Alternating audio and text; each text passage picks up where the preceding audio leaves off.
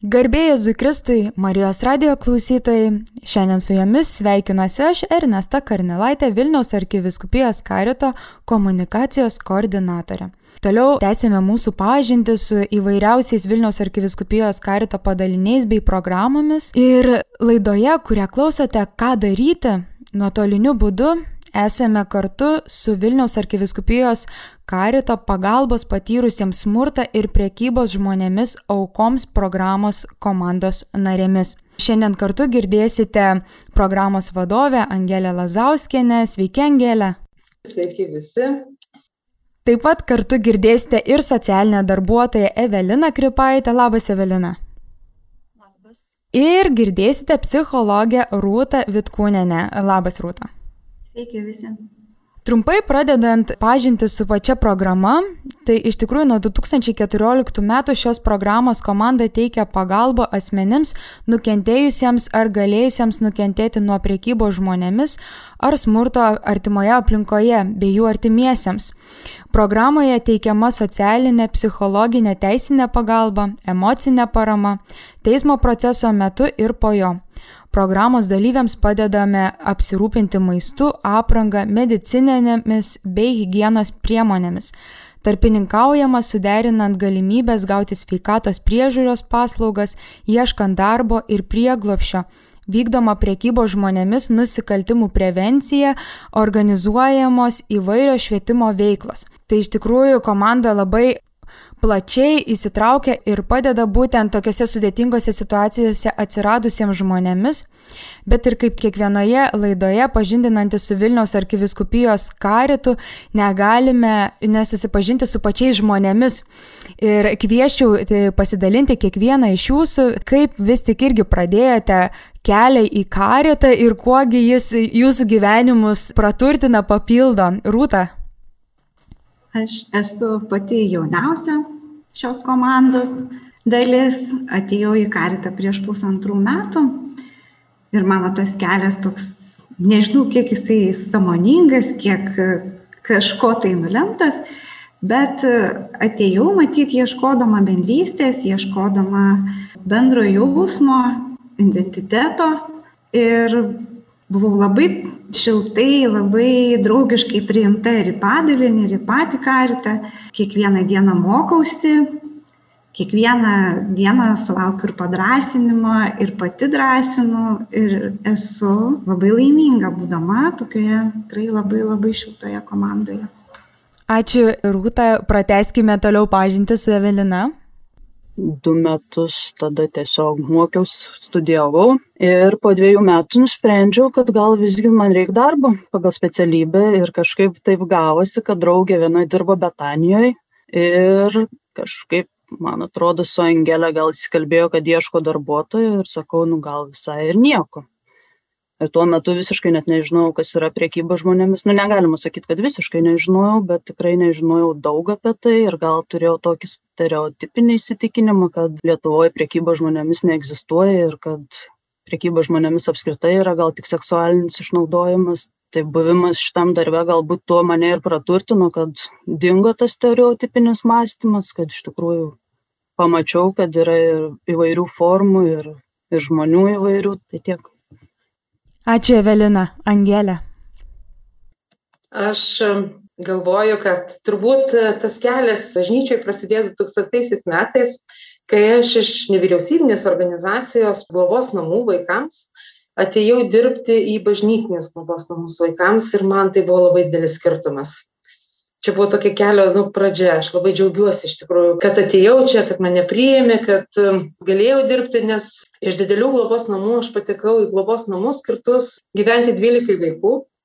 Tai reiškia kad mes galėjom jau tuo metu galėjom gyventi panašų šeimyninį gyvenimą. Vaikai galėjo keltis individualiu laiku individualiai savo dėmesį skirti ir mes tikrai žinojom kuo gyvena tie vaikai ir buvom šeimos nariais iš tikrųjų vieni kitiems. Ir buvo geras nuostabus laikas tikrai labai džiaugiuosi ir tada supratau koks skirtumas yra. Kiek daug galimybių dirbant karito organizacijose ir kaip tai yra skirtinga nes valstybė ne ne visada spėja spėja greitai. Šiandien mes jau žinom kad yra šeimynos kur gyvena bendruomeninės šeimynos vaikams kur gyvena po aštuonis vaikus tačiau šiandien yra dvidešim pirmi metai. Ir toks yra mūsų skirtumas. Ir tokiu keliu iš tikrųjų ir keliavau. Smagiai keliavau nuo jaunimo jaunimo paglobos pagalbos šeimoms grįžtantiems nuteistiesiems iš pataisos namų. Ir dabar esu toj pusėje, kur yra šitų nusikaltimų aukos. Tai yra žmonės nukentėję nuo nusikaltimų. Ir galimybė išbandyti dalykus, kurie man atrodo teisingi, teisingi įsitikinimuose ir, ir teisingi, nežinau, savo veiklos rezultatais pamatuojam, man yra didelė galimybė, aš labai džiaugiuosi. Ir žmonės yra, tuos, kurie sutinkus, irgi yra ypatingi, tikiu, kad visur yra daug ir nuostabių žmonių, bet čia yra daugiau. Man smagu labai.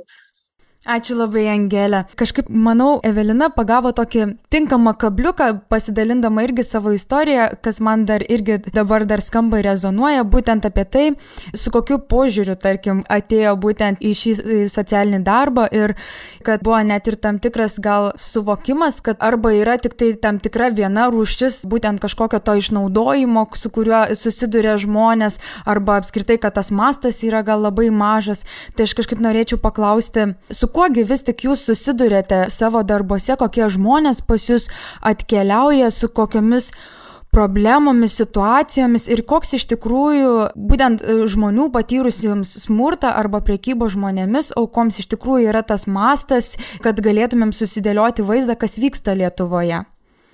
Evelina, gal galėtumėm nuo tavęs pradėti? Supratau, kad visgi man gal nežinau net ar artimiausi, ar labiausiai įsiminę yra tie atvejai, su kuriais aš dirbu nuo pat pradžių, nuo pat žmogaus ateimo čia. Nežinau, galiu papasakot, kuris man turbūt pats pats artimiausias yra ir kur daugiausia darbo įdėta. Tai jauna mergina, gal metais vyresnė už mane, tai 27 dabar metų. Ir jinai nuo 14 barots metų gyveno Anglijoje. Tuo metu kažkaip matyt gyvenimas ne taip susiklostė, kaip jinai norėjo ir pradėjo vartoti narkotikus. Ir kažkuriuo metu, nežinau, berots 20 metų, kai jinai buvo susipažinus tokiu vyruku, lietuviu, kuris pasiūlė jai važiuoti kartu į Vokietiją padirbėti. O darbas buvo eiti į parduotuvės ir vokti smulkius daiktus, kuriuos vėliau jisai parduodavo. Tai jo, jinai taip prasivažinėjo kartu su savo nežinau kaip pavadint likimo draugais kurie irgi vartojo narkotikus ir jie prasivažinėjo ten kelis metus ne tik į vokietiją bet ir į kitas šalis ir ją policija pagavo 2018 metais su dideliu kiekiu narkotikų, dėl ko jinai ir buvo teisiama. Tai sakau, kad man labiausiai įsiminęs atvejis vien dėl to, kad jinai pas mus atėjo 18 metais, tuo pat metu, kai aš įsidarbinau, tai realiai ten dešimties dienų skirtumas buvo tai su ja ir laiko praleista kartu, teko ir visus teismo posėdžius važiuoti kartu ir tos kelionės būdavo labai ilgos ir gan varginančios, nes vis tiek tu turi visą laiką atbūti su to žmogum, su jo emocijom. Tai dar koks, nežinau, vienas gal įsiminęs toks labiausiai atvejis yra irgi jaunas vaikinukas, 24 metų, kuris užaugo gal sunkumus patiriančioje šeimoje tai ten daug alkoholio buvo, daug muštinių, daug visko, tai jisai kažkurio vieno pasisėdėjimo metu susipažino su pažįstamu gal kambarioko draugu, kuris pasiūlė važiuoti į Norvegiją, padirbėti. Dabar neatsimenu, man atrodo, sakė, kad žolę šiemaut važiuos į Norvegiją. Tai jisai nusprendė, tuo metu man kas labiausiai yra įsiminę, kad jisai sakė, tuo metu taupė vairuotojo pažymėjimui pinigus ir jam atrodė, kad va, čia turėtų uždirbt daugiau negu uždirba dabar Lietuvoje. Tai jisai išvažiavo sekančią dieną, man atrodo, jie iš, visi išvyko kartu į Klaipėdą ir ten Klaipėdai persikėlė su keltu į Norvegiją. Ir ten pradžioj tas darbas kaip ir viskas atrodė kaip ir normalu, ten jį priėmė, viskas kaip ir gerai, bet kažkuriuo metu suprato, kad jam nei algos kas nors moka, nei tos gyvenimo sąlygos geros ir kad nei išvažiuot gali tai jisai sukaupė drąsą, pats sakė, kad labai labai bijojo ir pabėgo iš ten.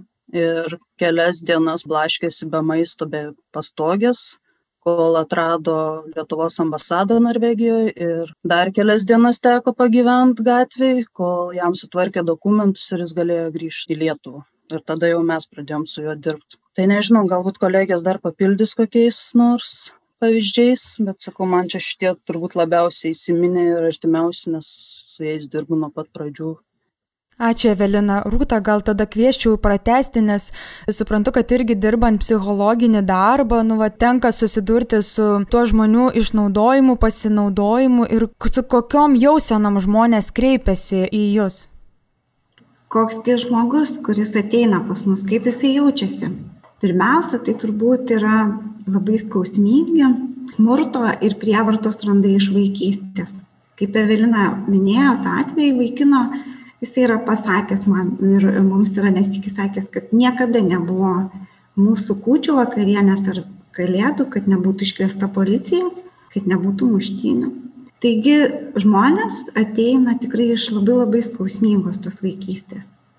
Ir čia vėl nepaprastai žiaurus patyrimas.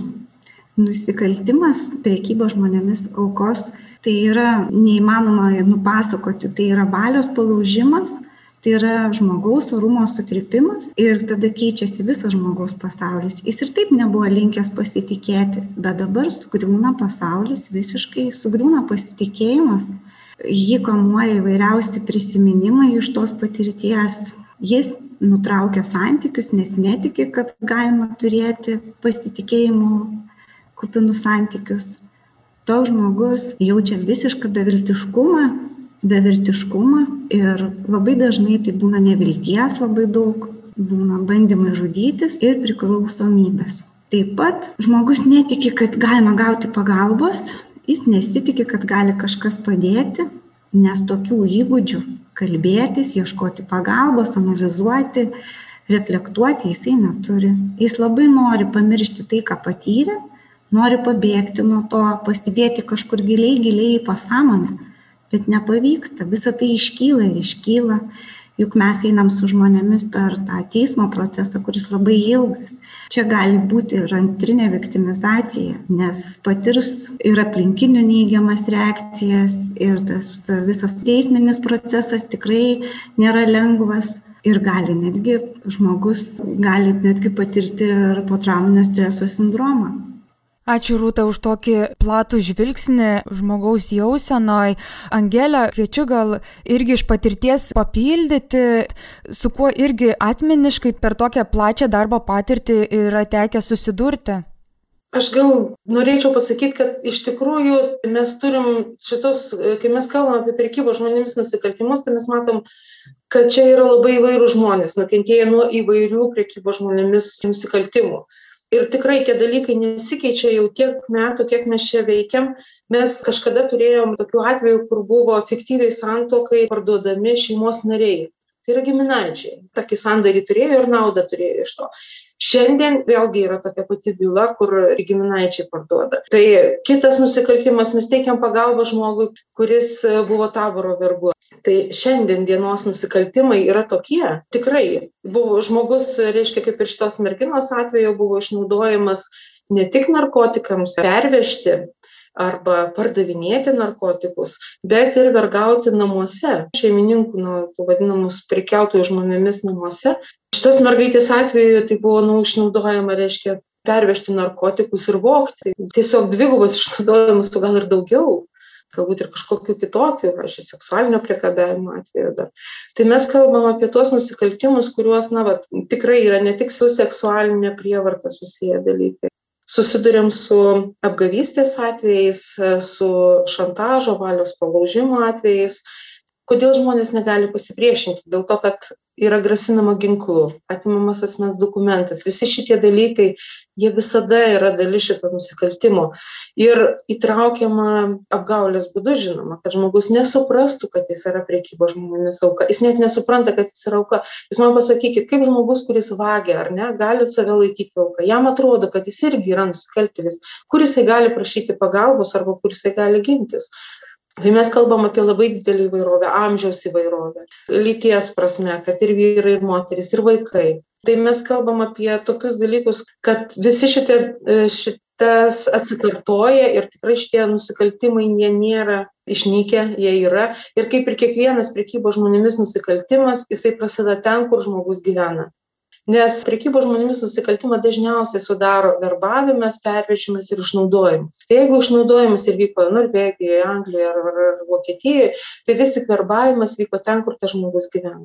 Tai taip tai yra dalis mūsų gyvenimo ir tikrai mes su tuo susiduriam kai žmogus ateina ir mes galim šitoj vietoj tikrai veikti ir kaip asmenys kurie teikiam pagalbą bet nereikia pamiršti kad yra ir būtina ir prevencija kadangi reikia kad visuomenė žinotų apie tokius nusikaltimus apie pagalbos teikimą kai yra žmonės įveliami į tokius nusikaltimus kur kreiptis ir taip toliau. Tai nu man yra labai svarbu kad mes veikiam šitoj srity kad tai yra sunkus nusikaltimas kai susiduri nežinai nuo kurios pusės pradėti nes mes kartais turim tokių atvejų pavyzdžiui kai žmogus dešim metų ne neturėjo socialinės pašalpos dešim metų neturėjo asmens dokumento. Žmogus tarkim įtrauktas į prostituciją ir narkotikus nuo keturiolikos metų visi ryšiai su šeima seniai yra nutrūkę. Kokioj didelėj izoliacijoj būna šitie žmonės?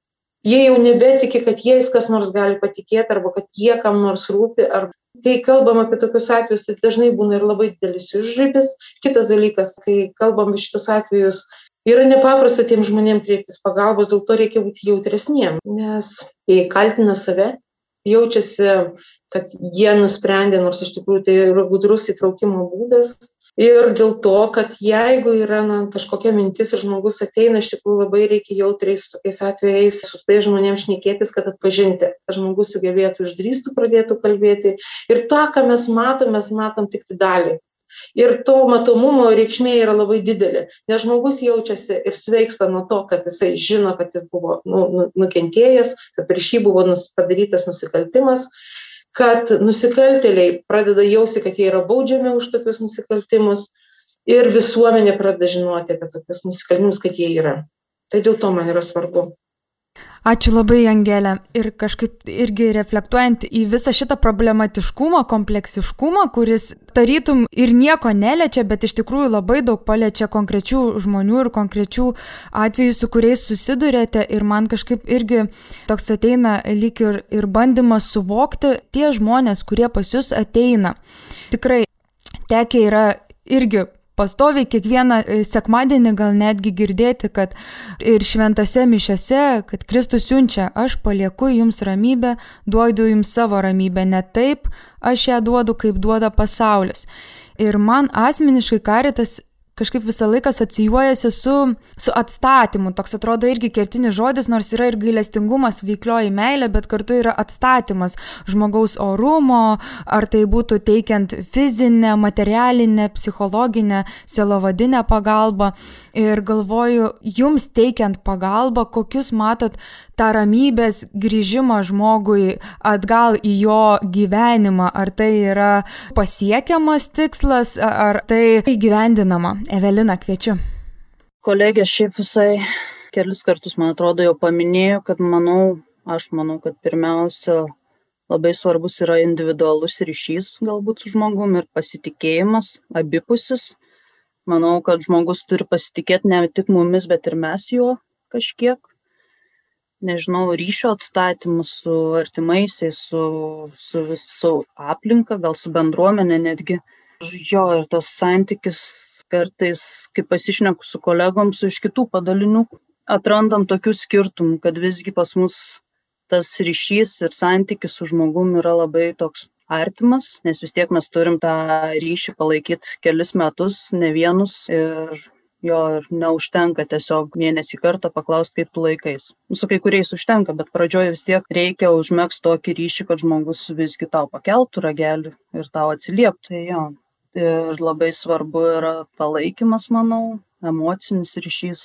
Tas emocinis palaikymas teismo metu pavyzdžiui vis tiek tu turi išbūt su žmogaus emocijom kartu ir išsėdėt kartu ir galbūt nežinau net kaip pasakyt ne fiziškai jį palaikyt bet šalia pabūt vos ne ranką palaikyt kad žmogus jaustų kad tu esi šalia ir kad tu išklausysi jeigu kas ir kad tu būsi kartu. Gal kartu taip pat galėtumėte pasidalinti irgi koks maždaug apie kokį laiką mes kalbam? Tos vat kažkokio ramybės įgavimo kokie čia yra laiko matai irgi skaičiuojant? Angele Tai kai mes kalbam apie tai, kad tas ryšys toks ilgalaikis, tai maždaug mes skaičiuojam tai, kad žmogus ateina pas mus ir dažnai tai eina per teisinį procesą. Teisinio proceso pradžia tai yra ikiteisminis tyrimas kuomet reiškia policija renka informaciją ir taip toliau. Tai tai tęsiasi na grubiai tarkim metus ne? Nes mes kalbam apie organizuotą nusikalstamumą šitos bylos yra labai sunkios reikia labai daug veiksmų padaryti. Na tikrai teisinis procesas sunkus. Tada sekantis procesas yra pirmos instancijos teismas. Būna dažniausiai ilgiau negu metai. Ir sekantis etapas beveik visais atvejais kadangi kalbam sakau apie sunkų nusikaltimą vyksta apeliacijos laikotarpis tai dar vieni metai. Mes mažiausiai kalbam apie tris metus. Per šitą laiką tikrai keičiasi ir tas santykis kuris pačioj pradžioj yra toks nedrąsus paskui pasitvirtina darbais išspręstom problemom sustiprėja tampa auginantis santykis. Ir vėliau po trupučiuką žmogus įgaudamas savarankiškumo pradeda tolti nuo ir kas dar čia yra labai svarbu kad jeigu žmogui nu nepavyksta tolti arba nepavyksta atstatyti ryšius su šeimos nariais tai tada mes tikrai nu kalbam apie bendruomenę. Mes kalbam apie tuos žmones kurie paimtų draugystę palaikymą kad žmogus nebeliktų vienas jeigu tie ryšiai kuriuos jis turėjo prieš tai yra negrįžtamai prarasti. Tai iš pradžių tikrai kalbam apie pagalbą vėliau vėliau žmonės tarsi nori reiškia likti tokiam lygiam lygmeny arba net teikti pagalbą arba būti draugais. Va šitam laike tikrai mielai mielai kviečiam ir savanorius ir bendruomenes pabūti tais draugais. Rūta Tikriausiai labai trumpai pasakysiu, kad manau vienas iš tų esminių momentų, kai vyksta lūžis, kai žmogus suvokia, kad jisai nėra kaltas dėl to, kas įvyko. Ir per tą ryšį per bendrumą kai jis atranda kad mes galim būti jo vienas iš resursų kaip spręsti sunkumus šiandienines kliūtis kai jisai gali paskambinti ir žino kad sulauks pagalbos tai ir manau kad ta ramybė tuomet ir atsiranda kai yra bendrystė. Ačiū labai Rūta. Ir gal kvieščiau netgi irgi dar truputį irgi, galima sakyti, gal ir giliau nerti, nes suprantu, kad iš tikrųjų žmogui atsistatant kas irgi tikriausiai yra esminis dalykas gyvenime, yra ir gal tam tikra netgi atleidimo patirtis, atleidimo savo, atleidimo kitiems, kiek tai yra įmanoma. Ir pačiame Duketo leidinyje, klausiant, kas yra atleidimas, atsakoma, kad žmogus žmogui padaro siaubingų dalykų. Tyčiajasi, atstumia, meluoja, apgauna, užtat laikė apmaudą dėl dalykų, kurių neįmanoma pašalinti iš pasaulio, krikščionis turi kitą galimybę, kaip atkurti taiką ir pasiekti vidinę taiką - atleisti. Atleidimas nesumenkina įvykdyto blogio ir nepanaikina to, kas įvyko. Atleisti reiškia įtraukti į veiksmą Dievo, kuris atleidžia visas nuodėmes, su Dievu užnugaryje žmonės įstengia atleisti ir nutiesti naujus tiltus netgi tada, kai toks darbas rodo žmonėms ne pagal jėgas. Ir svarstant patį tą atleidimo dalyką, dažnai būna tikriausiai bent jau aš ką galiu tai įsivaizduoti ir aš tikiu, kad jūs mane įstatysite į tinkamas vėžes, kad su atleidimu būna, kad neatleidimu gal daugiau kerštas toksai, nu vad, tas pyktis kažkoksai irgi pasinaudojimo tavimi ir kiek žmonės iš tikrųjų, kiek yra jų rankose ir kiek nebėra jų rankose, kur kartais tikrai, kur ne mano jėgoms atrodo, tie tam tikri atleidimai gali įvykti. Rūta, gal galėtum pakomentuoti? Tai apie atleidimą sunku kalbėti, nes tai labai daugelypis psichologinis ir dvasinis procesas, aš taip sakyčiau, ir taip neatsitinka, kad aš šiandien atsikėliau ir nusprendžiau atleisiu. Tai atleidimas tai kelionė, iš tikrųjų labai ilga kelionė, e, kartu su, gyventi su savo pykčiu, su savo nepykanta, kiekvieną dieną išgyventi ir keliauti į rydieną, kad stengtis, kad šiandiena būtų geresnė negu vakar kaip tai galėčiau pakomentuoti. Žinot kaip tik dabar vat atėjo man tokia mintis viena mano klientė sako žinot aš tikrai labai daug dirbu aš esu buvus ne vienose rekolekcijose. Aš galvojau kad aš atleidau na tai buvo psichologinis smurtas neišdavystė bet sako kai aš atsikeliu iš ryto aš vis dar gyvenu tuose jausmuose ir aš jaučiu ir pyktį ir jaučiu stiprią neapykantą. Tai ta kelionė yra labai sudėtinga ir ilga bet aš galvoju kai žmogus nusprendžia, kad reikia jam kažkokios pagalbos, kad jisai nori suvokti, kas jame vyksta, jisai nori suprasti, jis nori kažkokio tai kitokio santykio su savo pykčiu ir neapykanta. Ir atėjęs kažkokios pagalbos, galbūt jis pas psichologą, galbūt jisai kalbasi su dvasininku, tai aš manau, kad čia aišku mano nuomonė, kad bet, atsiranda toks labai gražus, man atrodo, gyvenimo momentas, kai tu supranti, kad kažkoks paprastas žmogus, ar tai būtų specialistas, ar tai draugas, ar tai būtų kažkoks labai geras pokalbis, gali pakeisti tave.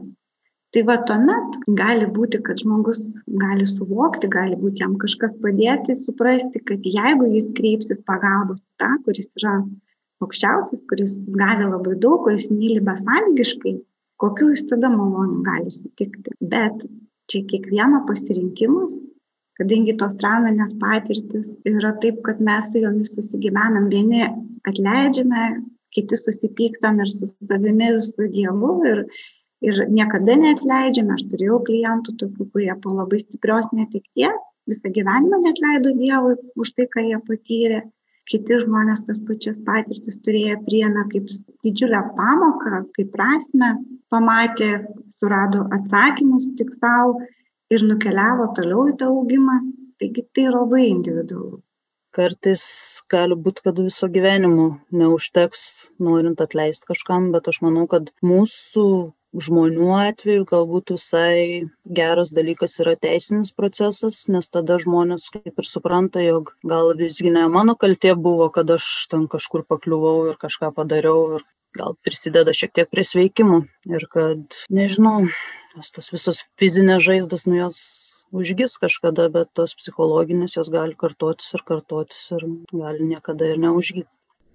Angelė, gal dar papildytumai?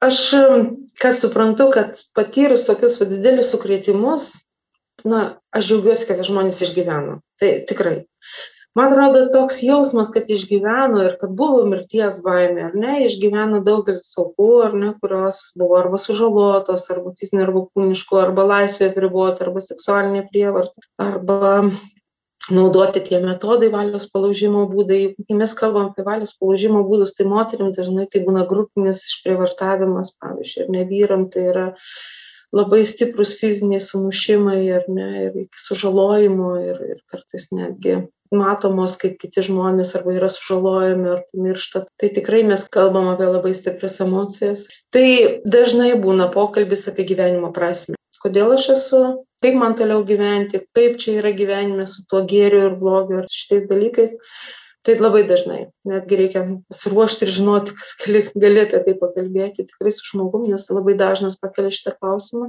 Va ir tai ir yra ta kelionė. Jeigu taip tinkamai palydėsi tai žmogus gali nueiti iki tokio atleidimo nes kai įvyksta tokie trauminiai patyrimai tai taip žmogus susikoncentruoja į išgyvenimą ir dažnai pakeičia įpročius pavyzdžiui narkotikų vartojimą dar kažkokias priklausomybes dar kažkokius dalykus tikrai bet keičia ir kitus dalykus. Gali keisti ir savo vidinius dalykus per tokius išgyvenimus ir ir po tokių pokalbių mano galva yra tas fizinis reiškia sveikimas emocinis tai būtinai reikalinga psichologinė pagalba rūta ne nepapasakojo bet tai nėra tokia psichologinė pagalba kaip mes įsivaizduojam kad atėjo sąmoningas žmogus nusprendęs dabar kažkokius dalykus keisti savo gyvenime ir suprasti atsisėdo priešais tave ir prie stalo ten pakalbėjot paanalizavo pareflektavo. Tai tikrai taip nėra. Dažnai rūta eina tiesiog pasivaikščioti arba palydi žmogų kur nors reikalus tvarko ir per tą laikotarpį kai žmogus nejaučia na nežinau spaudimo arba dar kažko dažnai vyksta va tie pokalbiai kurie yra labai svarbūs kitas dalykas kuris taip irgi nežinau žmogus atsistoja ir prieš išeidamas tau papasakoja tokius svarbius dalykus tai tikrai mes gaudom tokius momentus kai žmogus gali kalbėti ir tada vat pasitikrinam tą savo ryšį ir per tą ryšį tikrai per tą pasitikėjimą daug dalykų galima nuveikti ir sveikimas gali būti per tai. Dėl to mes sakom kad reikia kad tas žmogus būtų prie žinotų tą asmenį ir kaip čia pasakyti ir ta organizacija kuri pradeda padėti pagalbą tokiu atveju kad jinai keliautų per visą laiką kad žmogus nebūtų perkeliamas arba vienoj organizacijoj arba kitoj. Ir tada sekantis dalykas tai yra atleidimas ir sau bet ir kitam. Tai vat kuris čia kuris yra sunkesnis tai tikrai yra nepaprasta man atrodo čia pinasi ir tas palydėjimas pas kunigą pastoraciniai dalykai yra labai svarbus. Gal tikrai ne kiekvienas ir gal ne dabar jisai nuėjo tas žmogus bet bet kelias tikrai čia prasideda ir yra labai svarbu kad mes es turim sutarimą kad jeigu žmogus norės pakalbėti kad kunigas irgi bus pasiruošęs apie tai apie tai net išgirsti. Tai turbūt tiek apie kelionę Man kažkaip irgi labai svarbu atrodo, kad toje kelionėje esate jūs. Jūs tos, kurios irgi einate koja kojant, ar tai būtų teismo procesas, ar tai būtų psichologinė, dvasinė kelionė, vis vien ar tai per palydėjimą, ar per tiesioginę pagalbą einate kartu. Ir aš galvoju, Čia tokie atvejai, kurie pareikalauja tikrai galingo emocinio ir dvasinio tikriausiai kalibro būti kartu su žmonėmis ir jiems teikti šviesą. Ir man tikrai kyla klausimas, kaip jūs asmeniškai nu va tai priimat ir kur stiprybės semėtės. Rūta, gal gali pasidalinti? Galvoju, kad tas ryšys, kurį mes kuriame, kaip mes einame kartu su žmonėmis, jis labai mus augina ir labai augina, padedant suprasti savo ribas, kiek aš galiu, kiek aš negaliu. Aišku, gera, kai, pavyzdžiui, mano patirtį buvo toksai, mes su viena klientė pusę metų tarėmės, kol mes susitiksim ir mes vis dėlto susitikom. Kaip Evelina ir minėjo, kai ateini, į susitikimus su šitais žmonėm, tai ne, negali net neįsivaizduoti. Angelė per pirmą pokalbį man irgi sakė, kad tikrai nebus taip, ką tu turėjai, ką tu žinai, ką tu supranti, bet eini atvira širdimi, kuri tą santyki ir nežinai, kada tas bus momentas, kuris žmogui padės kitaip pažvelgti savo gyvenimą, jį pakeisti, ar tu pats kažką dar labiau suprasti. Gal tiek. Evelina. Tai irgi apie tą ryšį pradėjo sakyt, tai aš taip manau, kad mes tiem žmonėms dažniausiai esam gal saugumo toks kaip ir garantas. Jeigu jie mumis pasitikė, reiškia kažką gerai darai. Pavyzdžiui, nu, man labai faina, kai žmogus pasako, užtenka kartais, kad ir žinutę parašo, kad ačiū tau labai faina, kad tu ten kažką padarėjai man, pradžioj jo to įsitraukimo į tą pagalbą gal reik labai tokio gal didelio kol žmogus pats supranta kad va dabar galėsiu tą padaryt. Aha čia padariau tą reiškia po to galėsiu tą padaryt. Ir kažkaip su laiku ateina ir pas žmones gal tas suvokimas kad va ką po ko reikia daryt. Ne kad gautum pagalbą o kad kažką padarytum kad tau pagerėtų. Tiek turbūt. Ačiū labai, Angelė. Aš labai girdėjau, ką Evelina sakė, žmogus nepasitikė nieko, nes jam ir tai buvo sunku, jisai buvo pažeidžiamas prieš įtraukiant priekybą žmonėmis, nes nu, dažniausiai įtraukia pažeidžiamus žmonės. Ir, ir tada dar taip stipriai sutraumuoja, dar laikė. Ir po to toks ilgas tas teisinis procesas ir toks jisai sudėtingas ir baisus. Tai pasitikėti kažkuo yra tikrai nepaprastas dalykas. Ir patikėti, kad tu gali išspręsti dalykus, kurių daug metų jau nesi įsprendęs, irgi yra didelis dalykas. Iš to auga žmogaus pasitikėjimas ir savim, ir mumis, ir, nežinau, teisingumu, gėlių, grožiu ir visais kitais dalykais. Net nežinau, koks buvo klausimas. Kaip, kaip tau irgi asmeniškai, dar Angelė, pavyksta irgi ne tiek gal, kad galima sakyti, susidoroti su kitų žmonių irgi ar problemomis, ar jų išgyvenimais, kiek ir asmeniškai tai tave pačią gal irgi paveikia ir kiek tas įsitraukimas vyksta irgi toje kelionėje. Čia yra svarbu, kad, nu, aš džiaugiuosi, kad dirbu ką, ar ne? Aš dalį dalykų galiu pasakyt kad tai yra mano jėgom yra dalis dalykų kurie nu ne mano jėgom. Ir tikrai gali palikti dievui ir tas tikėjimas kad gali palikti ir kad bus gerai irgi yra labai svarbus. Ypač susiduriant su tokiais labai sudėtingais dalykais. Kitas dalykas kad na nevyriausybinė organizacija ir dar bažnytinė nevyriausybinė organizacija jinai gali paieškoti formų. Niekas čia nėra uždėję tokių normų kažkokių taisyklių arba dar kažką. Gali pažiūrėti žmogų individualiai ir vis tiek surasti sprendimo būdą. Nes nėra neišsprendžiamų dalykų. Na beveik nėra. Iš tikrųjų dauguma dalykų su kuriais žmonės galbūt tikrai daug laiko neišsprendė jie yra išsprendžiami. Tai va čia surasti resursą surasti laiką surasti kolegą nežinau surasti kitą organizaciją nežinau žmogų tiesiog sutikti arba arba tiesiog paprašyti karito vardu apie žmogų arba pasirūpinti žmogum paklausti gal kas nors gali padėti tam žmogui. Tai yra tie dalykai kurie na atriša čia visus visus. Ir tai yra mano palengvinimas kad jeigu kažko negali tikrai susiklosto ir susidėlioja. Antras dalykas ne, ne tik, kad organizacija, na, karitas tikrai turi daug įvairių padalinių, priekybos žmonėmis aukos ateina labai įvairios, tai gali būti jaunas žmogus, gali būti mama su vaikais, gali būti vyresnis, gali būti benamis. Tai juk traukiami žmonės, pavyzdžiui, 64 metų vyras pardavinėjo šluotą sankryžoje ir toks žmogus buvo išvežtas ir išnaudojamas, reiškia, nemokamiem tiem darbam, verkiškom sąlygom. Žmogus e, irgi vyresnio amžiaus ilgai sėdėjęs kalėjime, bet nusprendė, kad daugiau nebesėdės ir jisai, reiškia, rinko tarą. Tiesiog vat vaikšto ir vat, vat toks jo už, užsidirbimo būdas, gal jau įpročių jisai nebepakeis arba dar kažko, na, bet tuo metu jisai irgi buvo įtrauktas į priekybą žmonėmis ir išnaudotas.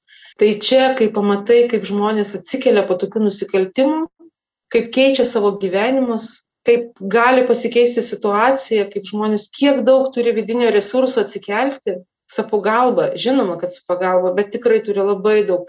Keičiasi visi stereotipai ir visi įstikinimai. Niekad negali žinoti, ar tas žmogus atsikels ar ne. Tikrai turi žinoti ir tikėti kiekvienu. Nesvarbu, kaip jis atrodo. Nesvarbu, kaip. Taip, taip žmonės nustebina iš tikrųjų. Bet ta nuostaba, jinai yra man didžiausia dovana čia. Labai didelė dovana. Ačiū labai Angelė už nuoširdų pasidalinimą ir už Rūtos, ir už Evelinos, tikrai ir nuoširdų, ir darbą, ir pastangas, ir pagalbos teikimą. Dar trumpai pabaigai norisi tokį klausimą užduoti irgi su tuo pagalbos teikimu taip pat užsiemat ir prevenciją, būtent pagalbos priekybos žmonėmis aukoms ir, ir vyksta būna įvairūs renginiai, kaip tik vat neseniai vyko Lietuvos karito inicijuotas renginys skliaustelėse ne ir tada žinau, žinau, kas yra priekyba žmonėmis. Tai gal galėtumėt daugiau pasidalinti, kokių tų prevencinių veiklų yra, į ką jūs įsitraukėt ir kur visuomenė dar gali daugiau sužinoti. Evelina? Angelė, gal tada irgi galėtum e, papildyti, patikslinti? Na, čia yra labai svarbu, kad e, aš jau sakiau, kad ten prasideda priekyba žmonėmis, kur žmonės gyvena. Tai mes kaip visuomenė tikrai galim turėti įtakos. Tai pirmiausia, patys save saugoti pažinodami ir suprasdami kas yra prekyba žmonėmis tai reikia tuo domėtis dalyvauti. Ir ir mūsų yra atsakomybė kad žmonės žinotų kas yra prekyba žmonėmis. Tai tokius susitikimus su rizikos su jaunimu rizikos vietose ar ne? Arba arba nežinau mokyklose arba tokius platesnius visuomeninius renginius mes tikrai norim noriai dalyvaujam ateisim jeigu pakviesit būtinai ir pakalbėsim apie tai kad pats žmogus save apsaugotų. Tada kitas dalykas, kad e, mes kaip visuomenės nariai turim žinoti, kas yra priekyba žmonėmis tam, kad apsaugoti kitus, kad mes būtumėm įgalus ir tie žmonės, kurie apsaugo. Kažkam juk tie žmonės, kurie išvažiuoja ir yra įtraukiami priekybą žmonėmis, tikrai pasako, gal socialiniai darbuotojai, gal mokytojai, gal tetai, gal draugai, gal dar kažkam. Tai vat, jeigu žmogus atpažįsta šitus nusikaltimus arba šitas grėsmės, tai yra jo atsakomybė padėti tam žmogui ateiti iki pagalbos, tai yra panaudoti savo santyki ar neturimą santykį ir paėmus už rankos atvesti iki pagalbos. Tai gali būti policija, gali būti nevyriausybinė organizacija. Dabar nevyriausybinės organizacijos yra susijungusios e, į asociaciją prieš prekybą žmonėmis, veikia visoje Lietuvoje. Tikrai yra mūsų atsakomybė atvesti pas specialistus. Ir tada specialistas lengviau susiduros galbūt su tokiais visokiais kompleksiniais, visokiais dalykais, kurie yra susiję. Sekantis dar vienas dalykas, tai man yra labai svarbu, kad pačioje bažnyčioje mes žinotumėm šitus nusikaltimus klausimus nes popiežius kviečia dalyvauti šitam dalyke sprendžiant šiuolaikinę vergovę kviečia ir ir dalyvauti tokios šventos mortos veiklose. Mes labai noriai irgi atvyktumėm pirmiausia ten kur esam tai yra bažnyčios į baž į bažnyčios parapijas ir kalbėtumėm tenais apie prekybą žmonėmis. Mes galėtume būti ta priemonė susidūrus su tokiais atvejais pagalbos priemonė kad žmonės neišsigąstų šitos problemos nes tikrai yra yra sunki. Ir labai kviestumėm nežinau parapijose turėti tuos atsakingus asmenys arba iniciatyvinę grupelę, kurie susidūrė su tuo tikrai pažinotų mus, žinotų, turėtų, reiškia, telefonus ir visą kitą. Ir dar tą progą tikrai labai norėčiau, kad vis dėlto būtų išgirstas tas mūsų telefonas, kuriuo galima būtų kreiptis pagalbos.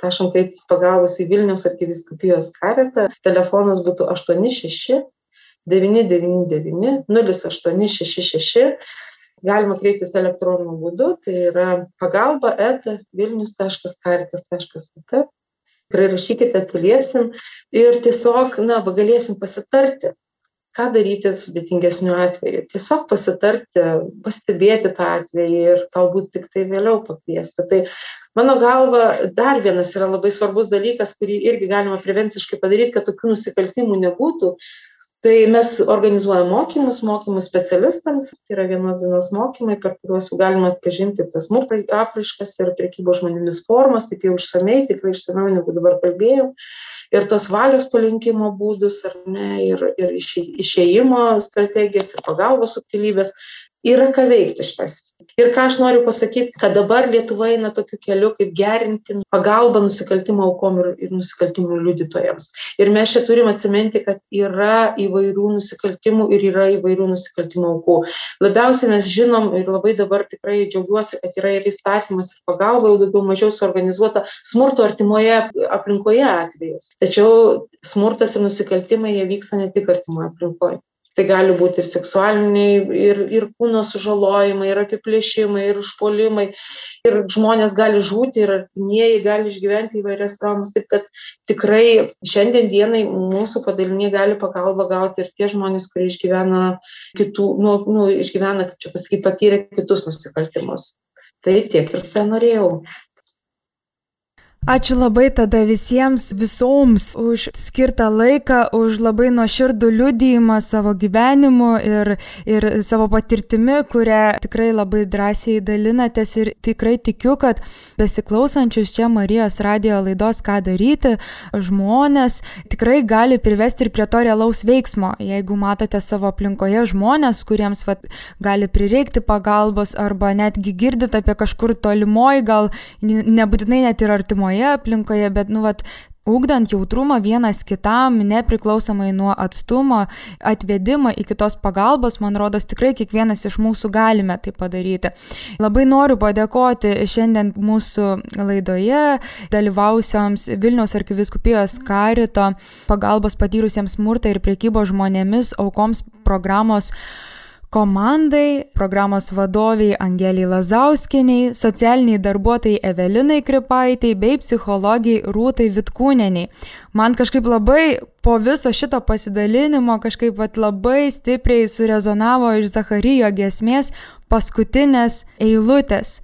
Dėl širdingiausio mūsų Dievo gailestingumo mūsų aplankė šviesa iš aukštybių, kad apšviestų tūnačius tamsoje ir mirties uksmėje, kad mūsų žingsnius pakreiptų į ramybės kelią. Tai būtent su šiuo palydėjimu te būna viešpatės ramybė mūsų širdise ir te aplanko tuos, kurie būna tose tamsose ir mirties auksmėse ir kad bendras mūsų kelias būtų nukreiptas į šviesą. Garbė Jėzui Kristui.